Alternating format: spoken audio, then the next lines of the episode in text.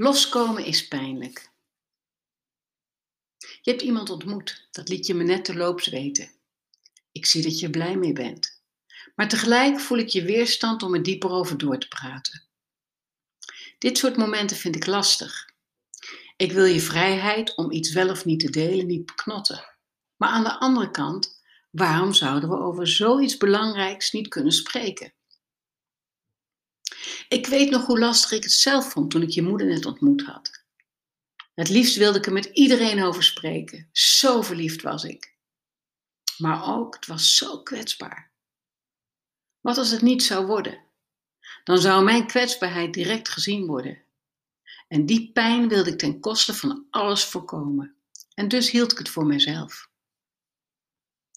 Je reageert niet en kijkt in de krant. Ik blijf je aankijken, net zolang totdat je mij aankijkt. Wat? Je creëert nu afstand. En dan zeg je opeens: Ik heb een vraag aan jou, pap. Kan dat? Is er een tekst die gaat over het loslaten van kinderen? Ook dat is toch iets van alle tijden? Ouders die kinderen opvoeden en ze op een zeker moment vrij laten uitvliegen? Je hebt me links ingehaald. Ik kijk je even aan en realiseer me dat je me een belangrijke boodschap geeft. Sorry als ik te dichtbij kwam.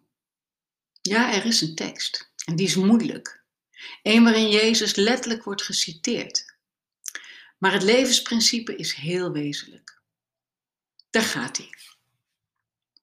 Denken jullie dat ik gekomen ben om vrede te brengen op aarde? Geen zins, zeg ik jullie. Ik kom verdeeldheid brengen. De vader zal tegenover zijn zoon staan en de zoon tegenover zijn vader. De moeder tegenover haar dochter en de dochter tegenover haar moeder. Het gaat hier over de bewustwording van het anders zijn. De ander herkennen en erkennen als anders. Niet vermengen van zijn of haar identiteit met de jouwe. Zijn of haar uniciteit accepteren. Ergens anders staat dezelfde tekst, maar dan met het zwaard dat scheiding brengt. Met andere woorden, er moeten banden worden doorgesneden. Het zwaard verwijst naar het woord, het begrip, het actieve begrip in je hart.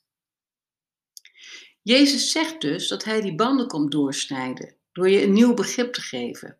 Het begrip dat je uniek bent. En dat doet eerst pijn.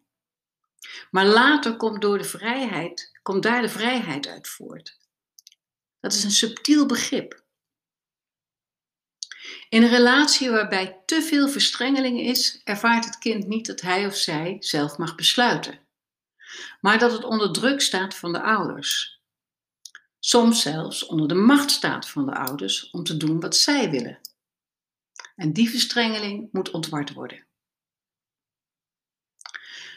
Wat ik een mooi beeld vind, is dat van twee in elkaar gevouwen handen met verstrengelde vingers.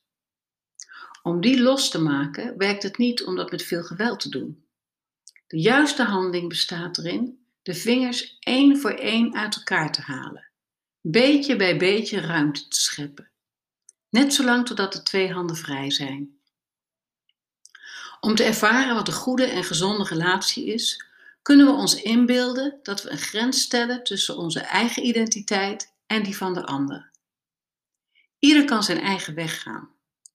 Onze paden kunnen elkaar kruisen, maar je hoeft niet je identiteit te verliezen.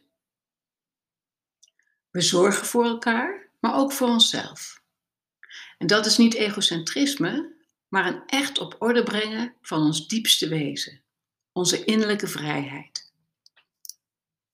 Ik heb je al eerder verteld dat Jezus zelf zegt dat hij gekomen is om gevangenen te bevrijden. Hier spreekt hij over het vrijstellen van kinderen uit het ouderlijk gezag. Het kwam er vandaag wat lastiger uit. Ik kijk je aan om te zien of dit is overgekomen. Je glimlacht. Nu weet je waarom ik niet gereageerd heb op je verhaal over de tijd dat je mama net ontmoet had. Voor mij is er één vinger losgekomen. Tegelijk Ik kan je nu wel iets meer vertellen.